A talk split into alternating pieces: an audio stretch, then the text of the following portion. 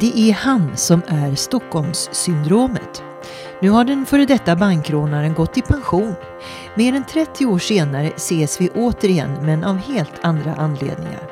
Idag är han en fri man som inte ångrar någonting. Än så länge.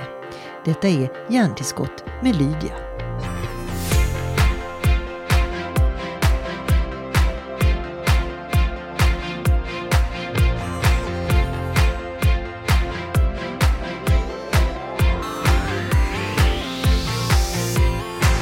Nu har jag tagit mig till ett hotell i centrala Stockholm och mitt emot mig sitter Clark Olofsson. Välkommen till podden. Ja, jag har försökt ändra mitt namn också, tillbaka. Du har det? Till Olofsson. Ja, jag, jag var nere i Malmö på Skatteverket. Och sa jag vill ändra mitt namn tillbaka till Clark Olofsson. Ta bort det här. Ja, det, det såg, hon såg svensk ut, men det var ju inte. Så krångla och krångla och krångla. Det slutade med att eh, jag fick tillbaka mitt, jag ville ha mitt efternamn, jag fick tillbaka mitt förnamn. Och efternamnet är samma förbannade klumpiga. Mm. Sen heter jag Clark Ode Demunk. På måndag ska jag gå upp till Skatteverket igen. Och försöka by byta tillbaka? Jag inte bara försöka, jag ska byta tillbaka. Ja. Varför vill du byta tillbaka då? Ja men nu bor jag ju här och jag är ju skild. Jag var gift i 30 år. och eh, jag heter ju så från början. Mm. Och jag vet att massa håller på att byta namn hit och dit. Jag ska byta tillbaka. Mm. Men du, det här är ju väldigt intressant. Vi har ju massor att prata om, men jag tänker, jag visste faktiskt inte att du var skild, för det var en av mina frågor. Hon heter, kan du uttala hennes namn? Mareike. Mareike, ja. Eh, det är ju fantastiskt ändå. Ni gifte er när du var på rymmen och hon var bara 19 år. Hur gammal var du? Jag var 27. Ja. Tänk att, hon, tänk att hon har hållit ihop med dig och ni har varit gifta trots att ni fick tre barn ihop och trots mm. att du fick barn med andra kvinnor också. Ja. Hur gör man för att hålla fast i sånt äktenskap? Ja, men det visste inte hon. Utan eh, det, efter hon kom hit till Sverige då och vi hade varit ihop ett par, tre år och gift oss och allting. Då stod det i tidningen. Jag har totalt blockat det, det var inte med på kartan. Vi diskuterade med henne om sådana saker. Det gjort är gjort. Och... Sen kom hon upp och sa, det står i tidningen att, att du har en dotter. Och tittade på mig, ja fan det är sant så. Och började hon lite gråta så. Och det är värre än så, jag har två. Då var det nära skilsmässa redan då. Ja, det kanske, man kanske inte ska skratta åt det heller, men det låter ju lite roligt att hon inte...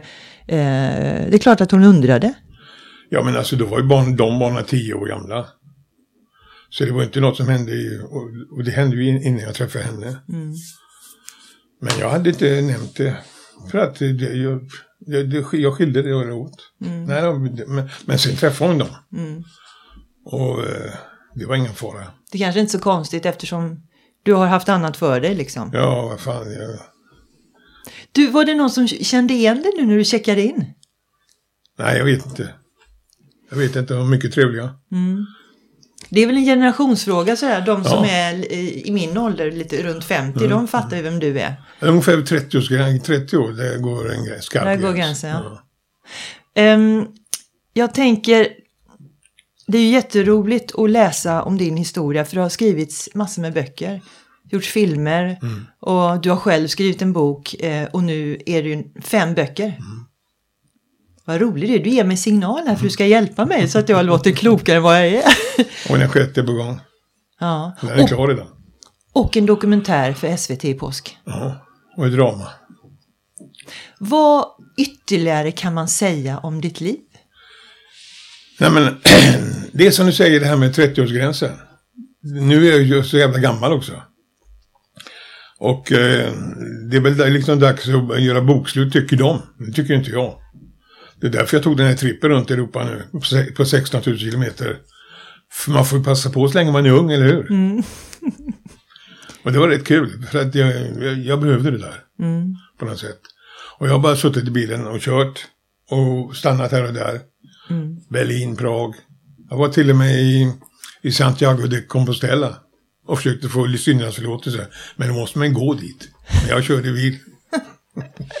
Tycker du att, um, tänker du på det att du vill ha syndernas förlåtelse? Nej, nej för fan. Det, jag, jag ångrar ingenting. Nej.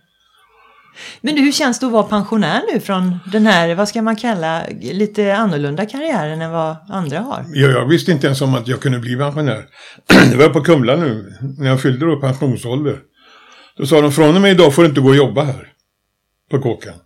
Och du, vi, du får inga pengar från fängelset.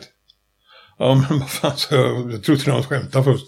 Nej, du får skriva på de här papperna och ansöka om pension. Ja, men jag är inte en svensk medborgare, så. Ja, men det så finns reglerna.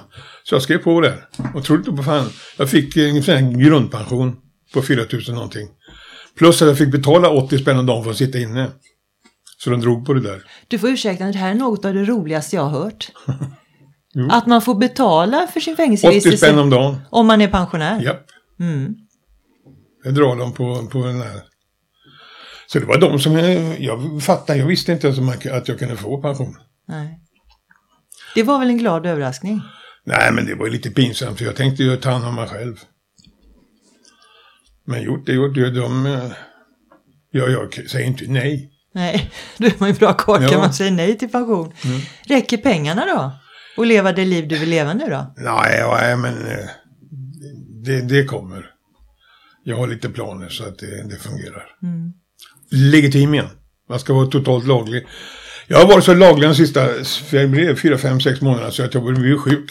Nej, men jag, jag var faktiskt sjuk på sista månaden på kåken. Fick en vanlig influensa som satte sig på lungorna. som utvecklade sig till en lunginflammation. Värre. Och jag är fortfarande inte, inte riktigt bra. Rösten paj och, och det hjälper ju inte med att jag körde 400 kilometer med öppen ruta i Svinkalla i Frankrike bara för att rutjäveln fastnade längst ner. Så jag kom upp till Tyskland, men jag har en Audi. Och det finns ju ingen meck som vågar peta på en Audi. Det måste vara en Audi-meck. Så är det, allting är elektrifierat. Ja, inte bara det vet du, utan ska du byta en lampa får du, får du riva halva motorn. Ja. Hur många barn har du? Sex, Hur gammal är den yngsta? åtta, Och den äldsta? 45, 44. Har du bra kontakt med dem då? Ja. Eh, Flickorna nu har krånglat till det lite. Och de har li- lite personliga problem så det drabbar mig också. Men vi, vi är inte fiender eller någonting. Utan det är mera att de ska få ordning på sitt liv. Och, Mm. Blir du orolig som pappa till döttrar? Ja, det var jag i början. Men eh, jag såg ju det när de var... De ville, de ville jobba som eh, bartenders ihop. En bodde i Göteborg, en i Stockholm. jag känner ju massa folk. Så hon att de fick vara bartenders uppe på, i centrala Stockholm. Och eh, varenda gangster höll ögonen på dem.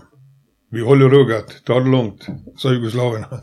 De var dina barnvakter kan man säga. Ja, visst allihop. De hade inte chans. För de trodde ju eh, som att världen var sån, mina döttrar. De gick in överallt. De behövde inte betala. Vad kan man skriva mer än det som har skrivits om dig? För det är ju, det, det är ju liksom, man har ju vänt och ut. Nej, men det var ju och därför in. jag säger det med, med dokumentären. Du, du, du tycker det är kul. Men för mig blir det ju bara älta om om, om igen. Va? Så finns det ju massa saker. Till exempel det här med narkotikaanklagelserna. När man tittar på i boken så jag har aldrig blivit fälld eller dömd för att ha köpt, sålt eller smugglat narkotika. Utan fått det här att jag eh, eh, eh, skapat kontakter och gjort allt möjligt skit. Så titta närmare på det ska du se. Det finns ingenting. Mm. Och vet du vad jag känner? Jag känner så här, det finns så mycket att prata med dig om så att det spelar ingen roll. Du är ju en fri man. Du har ju avtjänat ditt straff. Jag är fri, jag har sonat. Ja, du har sonat så att egentligen den diskussionen passerad tycker jag nästan. Jo, visst, Skuld men- eller inte skuld. Men det måste vara jobbigt naturligtvis att leva med Ja, den. men alltså, om, om en domstol skriver att jag är skyldig så är jag skyldig, punkt. Jag kan, för fan, skulle de påstå att jag startade andra världskriget, då har jag gjort det. Det spelar ingen roll. Och kvälja dom, det är det dummaste man kan göra. Men då kan man säga att på pappret ser det ut som du har eh, avtjänat fängelsestraff på 38 år. Men rent teoretiskt så är det en annan siffra. Ja, men det, ja. oavsett så är det ju lång tid om man lägger ihop det. Ja, men det är samma sak. eh, Folk som håller på och jobbar i, i, eh, i en gruva eller i hem, Hemköp eller vad som helst. Det är samma sak. Oh, har du, har du jobbat? Oj, oj, oj. Hur har du stått ut? Det undrar ju faktiskt jag ibland. För det är precis det jag tänkte komma till, det är därför jag ställer frågan. Mm. Eftersom du, är, du har ju sagt till mig tidigare, vi har ju pratat tidigare om att du tycker om att vara i rörelse och igång och det är ändå adrenalinet som ja, kokar allt det där.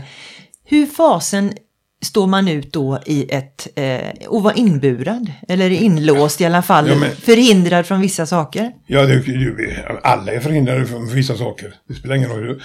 Sen är det så att när man vet, när man tittar sig omkring och ser, så här är situationen given. Gör det bästa av det. Och då sitter man inte och gnäller, oh, dörren är stängd och det finns galler i fönstren. Då sitter man och läser och tänker och planerar och utför massa saker, skriver och sen när dörren slås upp, då är det jag som bestämmer helt. Och, och, och vet du, när man sitter inne då, så som jag gör det. Jag satt isolerad sex år i Danmark. Då säger de så här, det går inte, du, det, man blir tokig. Fan, jag, kommer inte, jag kommer bara ihåg eh, roliga saker. Vad jag gjorde var eh, ensam. Jag var sex år isolerad, riktigt isolerad. Jag såg inte en människojävel. och då säger man så här att, uh, oh, oh, ja men jag läste kopiöst, jag skrev. Jag kollade på tv. Det gör jag inte när jag är ute. Jag kollar på tv. Och, och skrev brev och skrev böcker och ja, du vet. Så att det där och, och gör du det bästa av situationen. Då spelar det ingen roll. Var du är. Mm. Jag kommer ihåg jag såg en bild av, eh, du vet han, eh, Erik Frank eller vad han heter, han satt på Auschwitz. Då fick man se ett foto två rader med huvuden sticker ut. Och han är ett utav dem. Och då sa han, tänk vilken, vilken, denna bild var hemskt. Han sa, hemskt. Den gången det han tog, det var det lyckligaste stunden i mitt liv. För då visste vi allihopa, då är Röda Korset där och fotograferar, då kan ingenting hända med oss den dagen. Sug på de sakerna som finns. Mm. Ta tillvara de lyckliga stunderna. Mm. och när jag är ute så har jag en viss fäbless på att hålla med rörelse. Jag tycker det är skitkul. Så min, min avsikt är faktiskt att äh, bo på en båt sen. Jag bodde ju, bodde ju på båten. Mm. Och seglade över Atlanten solo. Mm. Men eh, och du, du, tycker inte att det påverkar fysiken någonting det att man har blivit pensionär? Ja, men just det här med lungpajen jag fick där, den är på slutet nu. Det var, då vart var jag lite orolig faktiskt. Att eh, fan alltså det, undrar om det, jag fick ingen luft vet du.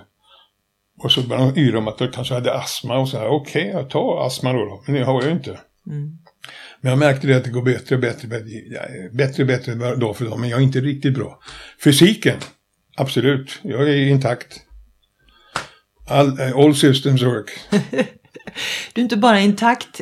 Vi har ju några, alla vi som har träffat dig lite längre stunder eh, tycker ju att du är en smart jävel.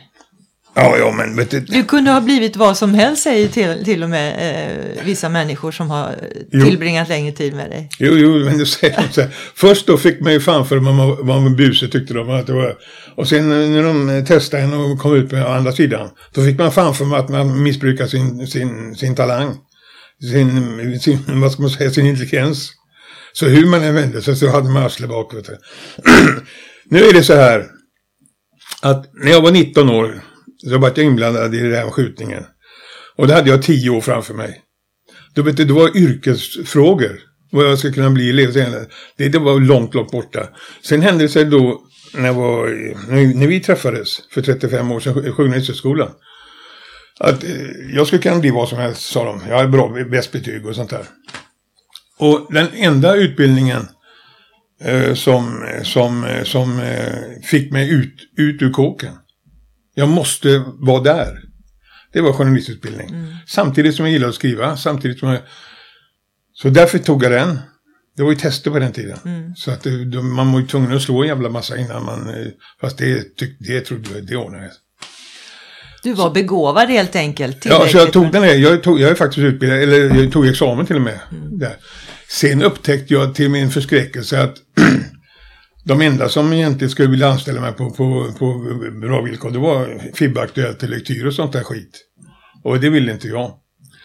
Sen jag jobbade lite extra då på tidningen, eh, eh, den här Syndikalisttidningen, Arbetaren hette den va. Då upptäckte jag att jag älskar att gå ner i arkiven och rota och göra research och skit och hade totalt inget intresse att dela med mig. Och det, det skulle, en journalist ska vara precis tvärtom. Du, för att eh, lyssnarna ska kunna hänga med i svängarna här. Eh, vi träffades, som du precis sa, 1983 för första gången, 35 år sedan. Ja. Och du var praktikant på ett mediebolag som Ja. jag också jobbar på. Och plötsligt så säger eh, chefen, som var Gary Engman då, Ja. eh, att vi har ett litet uppdrag du och jag. Du och jag skulle nämligen flyga till Halmstad för du skulle intervjua en eh, annan person. Kommer du ihåg vilken person det var? Nej. Ulf Lundell. Åh fan. Vi skulle flyga till Halmstad du och jag. Det här är intressant för det här har inte jag pratat med dig i detalj. Nu ska vi se vad du kommer ihåg. Eh, Jag var själv inte så gammal, jag var väl i 20-årsåldern någonting. Vi behöver inte prata om min ålder direkt. Men vi flög ner till Halmstad för att vi skulle träffa Ulf Lundell. För vi trodde att det fanns någon kemi mellan dig och Ulf Lundell som skulle funka. Du skulle alltså intervjua honom och jag var med som någon slags handledare. Ja, just det, just det, just det. Och det första du sa när vi landade, det var Ser du dem Lydia? Ser du dem? Och så pekar du på massa olika personer som du kallade för Kling och Klang. Alltså det, var det hade ju spritt sig att Clark Olofsson skulle komma till Halmstad. Så hela Halmstad gömde sig i busken och bevakade dig. Ja. ja, det var inte roligt. Men alltså sånt är jag också immun mot. Jag skiter i det. Har, så- har du näsa för att se grejer som andra inte ser? Ja, det är klart. Skulle, skulle vi skoja ibland, skulle banditerna ha röda topplöver och snutarna blå så skulle vi se hur mycket skit det finns i, i, i, i rörelse. Men det är konstigt det där för att man kan komma var som helst. Eh, Gibraltar eller Madrid eller man sitter och käkar någonstans och nu kan det komma fram folk och man ser den. För att man har ingen som helst anledning att tro något. Det är en skurk. Men du är bra på att läsa av människors personligheter. Ja, ja. Tyvärr. Många gånger är det pinsamt. På vilket sätt då? Man vill inte veta för mycket. Man vill, inte, man vill, man vill hellre vara förlåtande, men eh, jag har inte den eh, talangen på det sättet. Jag blir bara förbannad när de försöker spela upp sitt skit. Och vad menar du säger spela upp sitt skit? Eh, vifta med lånta fjädrar då. Och ska- vara något annat om inte är. Mm. Då föredrar jag hellre en eh, fyrkantig bonde som är som han är. Mm. än en smart jävel. Som. Men å andra sidan så, man snackar om, eh, jag har polare vet du, som jag inte skulle drömma om att uh, käka middag ihop med. För att eh, de är alltså kanon, du kan lägga ditt liv i deras händer. Men de uppför sig som fan och är kantiga och dumma. Så finns det en del som är hur hala och fina som helst. Man kan sitta och ha skitkul hela kvällen. Jag ska inte ge dem fem öre. Vad du säger egentligen, det är klassiska, man ska inte döma hunden efter håren. Nej, nej, fan eller. Nej, det ska man inte göra. Nej, men om man lärt sig att titta efter små grejer och stämmer de så brukar det resten stämma. Kan du inte ge oss tips? Vad ska jag Nej, men titta det är med? instinktivt, det är instinktivt. Det är alltså från person till person. Och jag har sällan, sällan fel, har jag märkt. För du, varför ställer du upp på den här podden? Bara för att jag för det första gillar dig. För det för andra så vi, vi hade det här med Gunnar ihop. Och eh, ja, du, du, därför gör jag det. Och Gunnar var ju, eh, hade bolaget ihop med eh, Gary. Engman, ja. Gunnar Wesslén. Hej hej Gunnar om du hör det här. Det lär han höra på. Eh, men, Gary var ju nästan förbannad. Han var ju förbannad på mig flera gånger. Han sa nej. Ja, han sa, Gary sa, jag har ju allt. Jag är rik, jag har en snygg fru, jag köpte till och med en båt som jag inte gillar. Jag, allting, allting jag gör fungerar. Och jag känner mig miserabel. Och så kommer du här, du sitter på kåken, du är glad varenda dag, du skiter i allting. Han tyckte det var djupt orättvist. Seriöst alltså. Han var nästan förbannad på mig. men jag vet ju eftersom jag kände Gary väl så förstår jag. Alla hade ju sina, har ju sina demoner. Men du är ju verkligen genuint glad. Ja, visst. Jag du mår tycker- rätt bra liksom. Ja, jag mår alltid bra. Utom att jag är lite paj i, i röst och lungor just nu. Du, när man har varit, träffat så många eh, blandade människor, speciellt på kåkan och sådär. Du måste ju veta och känna till rätt mycket. Ja. Jo, Du måste ju känna, eh, gangstervärlden känner dig. Jo, jo. Buset känner dig och du känner alla. Ja, men jag känner mycket folk överallt i hela Europa, hela världen. Det största misstaget svenska kriminalvården och polisen gjorde, det var tidigt då, sent 60-tal, eh, början 70-talet. Sätter de 20 av de värsta skurkarna från hela världen på studieavdelningen på Kumla, H2 Vänster, ihop. Därifrån börjar all knarkhandel, alltså effektiv knark. Där började de, eh, allt kom därifrån. För alla de här killarna åkte ju överallt sen. Och vi var ju bara bra killar. Alla kunde lita på alla. Så när man dök upp i Paris till exempel kan man söka upp en. Och han gick i god för en direkt. Och vi ska inte ens tala om narkotikahandel med, med Amsterdam. Alla de killarna som satt där. Man såg, det såg ju alltså helt sinnessjukt att de gjorde så. Det, alltså brotten frodas snarare i fängelserna än tvärtom. Ja, ja, det är klart. Men, men där, där liksom föddes ju en massa brott. Mm. Bara för, alltså brott, riktiga brott, det, det handlar om kontakter. Utan men när man pratar om fängelsevård, vad ska man göra? Nej, Tänk på alla unga killar som ändå hamnar snett. Och tjejer också för den delen. Jo, men haken är ju den att de som är satta att vårda någon måste ju för fan vara moraliskt lite bättre och lite mer intelligentare och lite mer framsynta och lite mer ihärdiga än, än eh, den de ska vårda. Speciellt om det. Och istället för att tro att det finns 5000 fångar som är likadana så är det 5000 fångar. Alla är olika. Och det finns alltså en mycket enkel teoretisk regel för, för, för att ha en bra kriminalvård. Det är att ge varje individ ett bättre alternativ än det han har.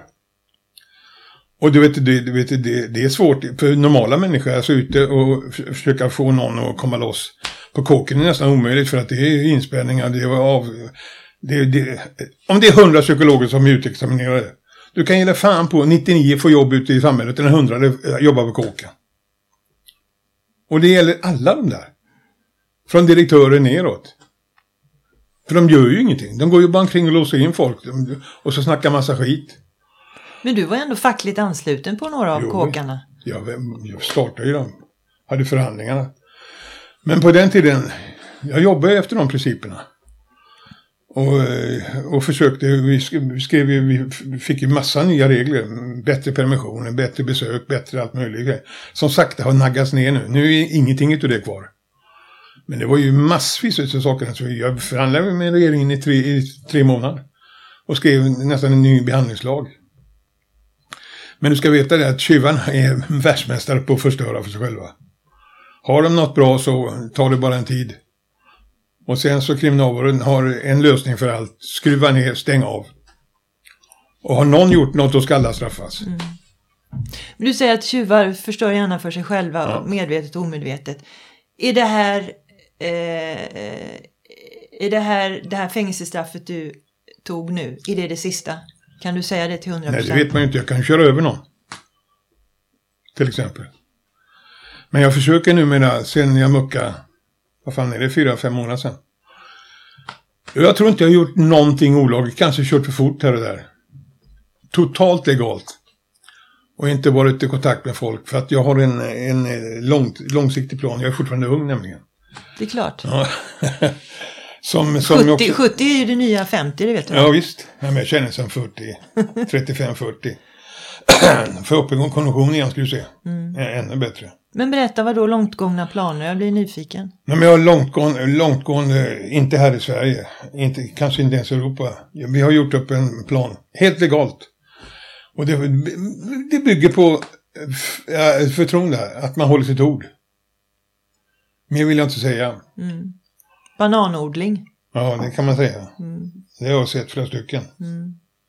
Men det är roligt att höra att du har en plan och att det är lagligt och att du faktiskt... Mm. Det enda jag tycker så här är att när man har varit med om så mycket saker som du, det är att man borde ju lära, and, vi andra borde lära oss vad kan man göra för människor som hamnar snett. Som gör fel, har gjort fel tidigare. Och det, därför jag tycker jag det. kriminalvården är så Ge dem ett bättre alternativ än, mm. än de har. Och det, det, då fordras det stål. Och kan utföra sådana saker för att de är bångstyriga. Och, och sen ska man inte sticka under stol med 78% som sitter på kåken. Det är alltså måndagsexemplar som inte har blivit... Och så är de andra 20-30 procenten, det är skurkar som man kan rikta till. De andra är, man vill inte säga hopplösa fall, men det går ju åt helvete alltid. Och man ser ju på dem och, och varför gjorde du det? Ja, men det bara hände. Ja, men då har du ju lösningen. Det finns ingen, det finns ingen styrsel bakom. Och då är det skitsvårt att få dem att ändra sig. Mm. Eventuellt ge dem sån här um, eh, medborgarlön. Och hota, som i Danmark, hota att dra in dig ifall du är stygg. Det, det finns inga generallösningar. Ett bättre alternativ, för det finns massa killar som är smarta, en massa killar som man borde kunna ta hand om. Som kanske ser ut att vara onåbara. Men hugger man en sån och får... Men å andra sidan, du vet varför jag jobbar förresten på mediebolaget den sommaren? Nu är vi berodde på- tillbaks till Garris och Gunnars bolag där. Ja, Mm. då, då, 83 var det va? Mm. Då hade jag tagit lastbilskörkort. På det här uh, institut, vad heter den där? Uh, ja, du vet, när de lär sig köra lastbil. Jag fick jättebra betyg alltihopa. Så tänkte jag, nu för en gång skulle mitt liv ska jag ta mig fan ansöka om ett riktigt jobb. Och så såg jag det att det fanns sopbilsförare. var det brist på. Så jag ansökte och fick nobben. Då sa jag, ni kan dra åt helvete, jag ska aldrig mer jobba. Och då var jag ju desperat för jag satt ju fortfarande, jag skulle ju mucka. Och då, för jag ville inte komma till mediebolaget först. Eller sån här bara glassjobb. Sitta och skriva och hålla på och skoja. Utan Jag ville hugga i. Mm. Och då fick jag nobben. Bara för att jag var jag. Mm. Och då vart jag förbannad. Och det är också problemet, att komma in igen i samhället. Exakt. Ute. Ja. Ja, det är sorgligt. Du, eh, när vi pratar om bankrån, Mm. eller vi kanske inte pratar om det, men låt oss prata om det. Eh, det är ju nya tider nu. Det finns, ja, ju, det inte, såg jag ju. det finns ju inte så mycket cash. Jag var inne, jag har, bank, jag har bankkonto nu. För första gången i mitt liv. Alltså så riktigt. Vilken alltså, här- bank så- då? Vilken? Eh, Swedbank. I Svedala. Jag var inne där, de hade stängt precis så jag gick tvärs över gatan in på Handelsbanken. Han kände igen mig. Han bara stod som en fisk. Ja, men vi vet inte, jag måste fylla papp. Ja, jag vet inte. Han var alldeles, ja, jag sa skit i det så. Så jag fick vänta till dagen efter och gå in på Swedbank. För hon var under 25 år. Så, vad du säger, du fick konto på en bank, på en bank just för att de inte kände igen Ja, dig? jag tror det. Ja. Jag tror det. Handelsbanken, han bara stod och stammade. Man får, de får inte vara för gamla när de träffar, vet du. Då får de hicka. Ja, ja visst, visst, visst, visst, visst. Men vad trevligt att du har ett eget bankkonto. Men nu, som sagt var, det finns ju inga kontanter i omlopp på det sättet som förr. Nej. Nej, men jag, jag kunde inte, jag, när jag fick, jag, jag tog fram 500 spänn och sa sätt in den. Nej, det går inte. Vi tar inte emot pengar. Jag började garva. Det tyckte jag var skitroligt. Det hade hon också tyckt om hon hade vetat vem du var. Ja, kanske inte skulle. Nej, men det har ju ändrat sig helt, helt, helt. Det finns ju inte, men det är ju tack vare busarna som ställer till det. Mm. Vi såg transportrånen tog också slut. Bankboxarna tog också slut. Vart förflyttar sig rånen nu då, tror du? Nej, men det är internet, bluff. För summan och kardemumman är tydligen konstant. Det är samma skurkar Mm. som försöker. Hur mycket insatt är du själv i internet och teknik och sådär nu när du har haft det som du har haft det? Även om du har läst mycket och så. Vad, är du, du, du, jag smsade dig men du har svårt att smsa tillbaka sa du? Nej, men jag för stora fingrar. Jag har en sån smal telefon. Aha. Jag blir bara förbannad. Jag trycker fel.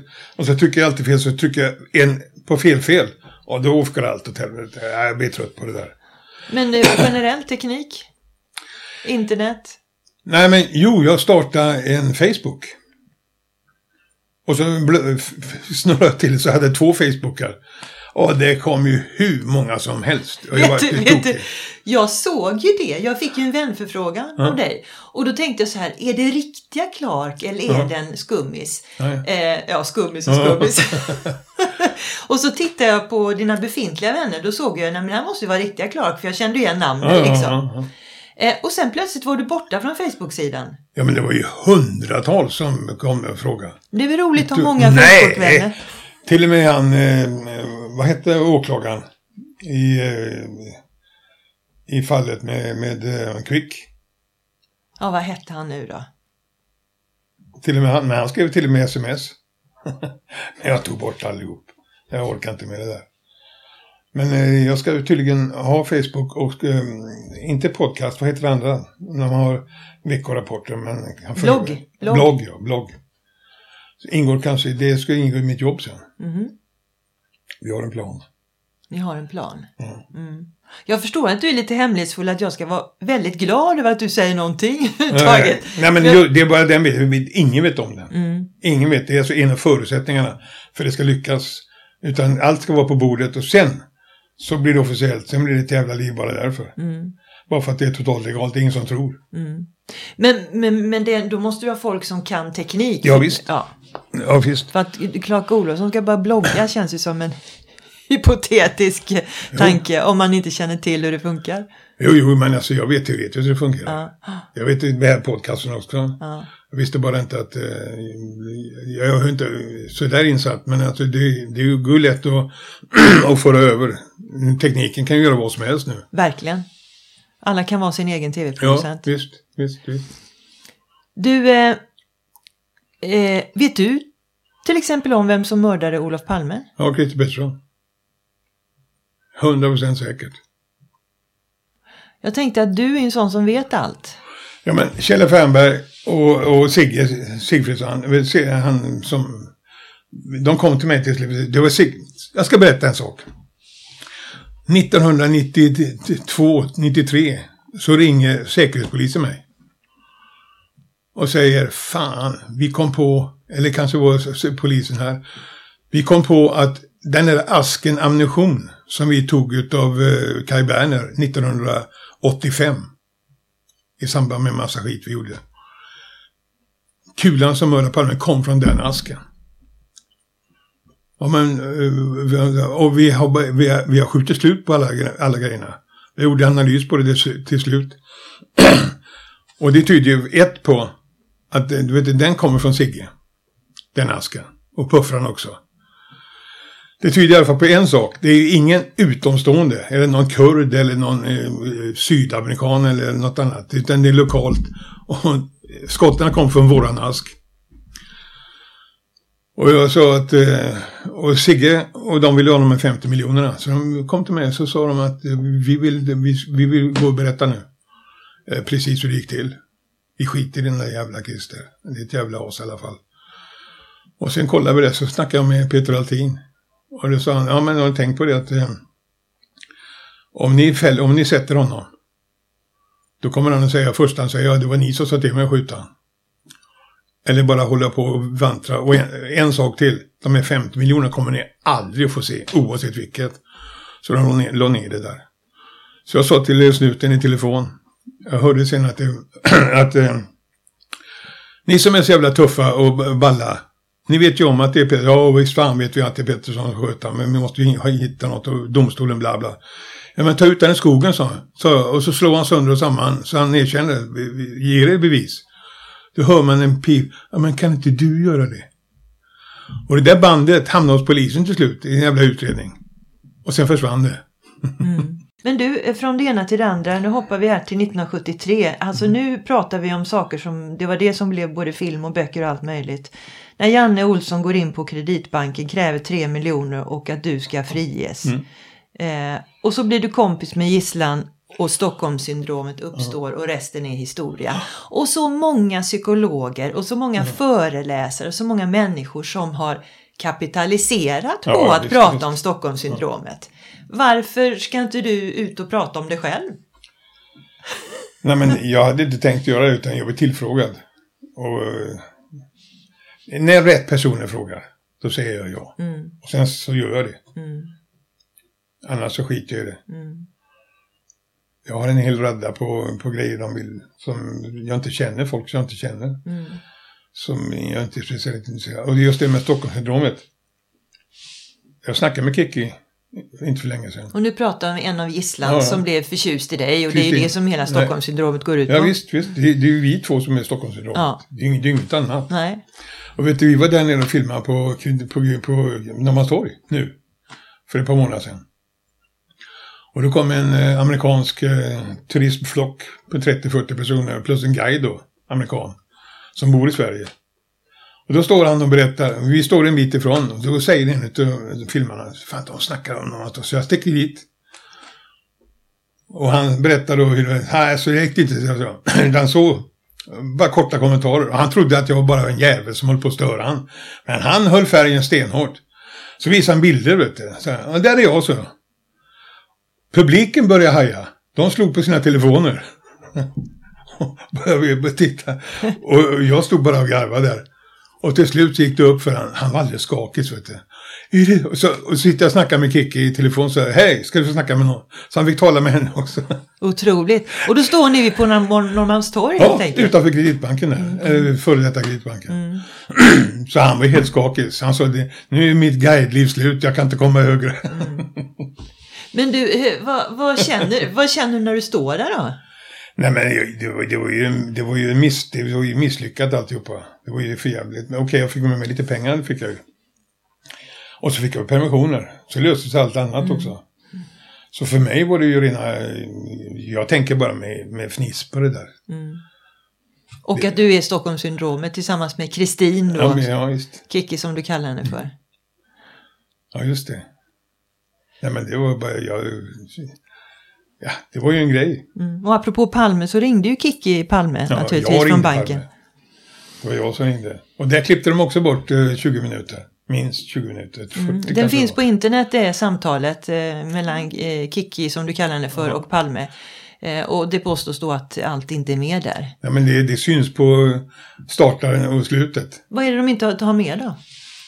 Han säger till exempel så här att ja men skulle det inte vara skönt att få dö på sitt jobb?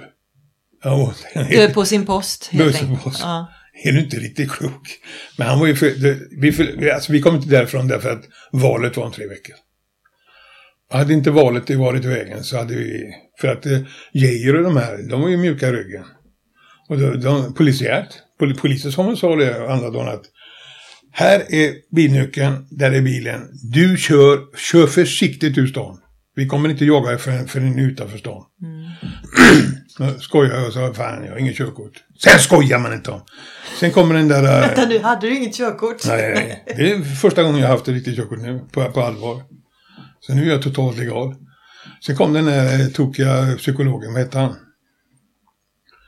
Neddansande på golvet. Han blev skjuten igen, vet du. Eh, med papper. Och då stod det från Palme till polismästaren. Broder, vi kan inte släppa ut dem för vi kommer förlora valet. Det pappret försvann också. Fast han erkände det i rätten sen, för jag var egen advokat. Enda gången jag var frikänd i hela mitt liv. Det var då? Ja. Mm. Jag, har ett, jag har ett öppet och rakt sinne. Och det är, om, om jag bryter mot mänskliga lagarna får jag betala för det. Men alltså... De frågar mig, är det något du är stolt över? Ja, att jag aldrig har blåst någon, aldrig lurat någon, aldrig angett någon. Och håller... håller jag, håll, jag gör vad jag säger, men jag säger inte alltid vad jag gör. Mm. Och det kan jag ju hålla med om. Jag har alltid upplevt att du håller ord. Ja. Jag håller ord. Så det har jag alltid känt mig trygg med faktiskt. Mm. Kommer du hinna bli kär i någon igen tror du? Varje dag. Varje dag. För det är en sak som också eh, genomsyras av din historik. Både män och kvinnor har ju charmats av dig genom alla år. Ja, det vet jag fan men... Jo, men du har fått göra saker som inte andra tillåtits på fängelserna. Och du har haft affärer med kvinnor på fängelser, ja, personal och allt möjligt. Men det där med, med charm, det har mycket liten betydelse när du ska göra saker på ett fängelse. Du måste vara listig som en jävla räv. och veta hur systemet fungerar. Och du ska veta det att det, det är inga Einsteiner som, som sitter där. Och om du ger dem tre, tre förslag för någonting och alla tre gagnar dig så får de välja själva. Mm. Och då tycker de att, jag kommer ihåg på Hall så, så, så, så vi hade möte då, tjuvar, vakterna och så direktören. Och assistenter och allt möjligt skit. Och så var det bråk om någonting. så hade jag några förslag, ibland tokiga som fan. Då, så, då säger direktören. Ska vi pröva Olofssons förslag? Och det var ja men för helvete hörde man på plitarna. Ni vet ju. Ja men alltså. Så visste de ju det. Om de gör som jag säger så blir det lugnt. Allting fungerar smidigt som fan. Och det var inte, inga svinförslag. Utan det var ju saker som gagnade oss. Va? Och, och det var mest, eh, vad ska man säga, fernissan hos dem som skadas. För det är ju lite ödets nyck. Eh, eh, det finns till och med en film som heter Sliding Doors. Ja, ja. Där om man hinner med tunnelbanevagnen ja. eller inte avgör ju fullständigt livet. Jo. Så måste det vara. Du, ser dem, du menar att du ser de stunderna? Eh... Det var så jag menade. Det, det, det, jag, det, det jag kallar för orsak verkan. Ja. Men kan du säga då, om du kan ge mig en liten pusselbit. Vilken var den mest avgörande stunden som du kommer ihåg där du valde vänster istället för höger? Ja, men, men den valdes åt mig. Det var när jag slogs av den tjejen. När du slogs för den tjejen? Ja, jag slogs om henne. Ja. För jag blev tvungen att hoppa ut på balkongen. Jag gick och hämtade en yxa och stal en bil första gången. Och så gick jag in och hämtade henne. Och för den jävla grejen då så satte de mig på Studiegården, eller på Hammargården. Mm. Och från där gick det bara rätt åt helvete. Det är ju lite sorgligt ändå. Du slogs för kärleken liksom. Ja, ja och- visst. Jag kunde ingenting om brott. Visste inte någonting. Jag, sen slog jag varenda jävla rekord i Hammargården, ungdomskurser. Så jag fick, jag fick ju fängelse sen, för jag var för ung för ungdomsfängelse. Mm. Jag är riktigt galen, vet du. du kan säga, jag bröt mig in i vapenförråd och... Jag var ju så, hatade ju att vara tjuv också. Mm. Så kom jag ju på att det var ju bättre att råna. Men vad sa dina föräldrar? Sa de aldrig Ingenting. någonting? Var de lite hopplösa tycker du? Nej, men de har inte... Jag, tack, tack vare dokumentären så har vi gått igenom, jag har aldrig tänkt på det förut. Mitt minne från när jag var fyra, fem, sex år i Trollhättan. Det var att jag var solo, sprang omkring i skogen. Och kom hem då och då. Smög hem, hade aldrig konflikter med dem. Jag tror aldrig jag talade med min far överhuvudtaget, ett, ett samtal. Och min mor, det var, hon jobbade och man fick käk. De hade ingen som helst styrsel på mig. Så när jag var 12 år vet du, så hamnade jag ju på barnhem först. Och så rymde jag därifrån. Men menar du, tolkar jag det rätt, ingen styrsel och ingen kärlek heller? Jo, eller? jo, jo. Det, alltså, det, var inte, det var inte frånvaro av kärlek. Det var bara det att eh, det, det, det var ett kärleksfullt hem på, på, på, som jag kommer ihåg det. Men alltså det var inga, inga kärleksfulla uttryck eller... Ja, det var det ju. Men, men inga samtal och eh, inga... Och så bara skötte jag mig själv. Jag hade inga polare, ville inte ha. Det är lite, lite sa- samma nu. Eller har alltid varit så. Ensamvarg? Nej, inte ensam varg, vet du, men alltså... eh, Jag, jag, jag, jag gillar en del folk. Men alltså, det, kan- det blir för mycket. Det blir för mycket. Då ska man liksom eh, underhålla, tycker man. Du, eh, eh, vad roligt att du ville vara med i podden. Tack så mycket. Ja, Lycka till, kör försiktigt hörru.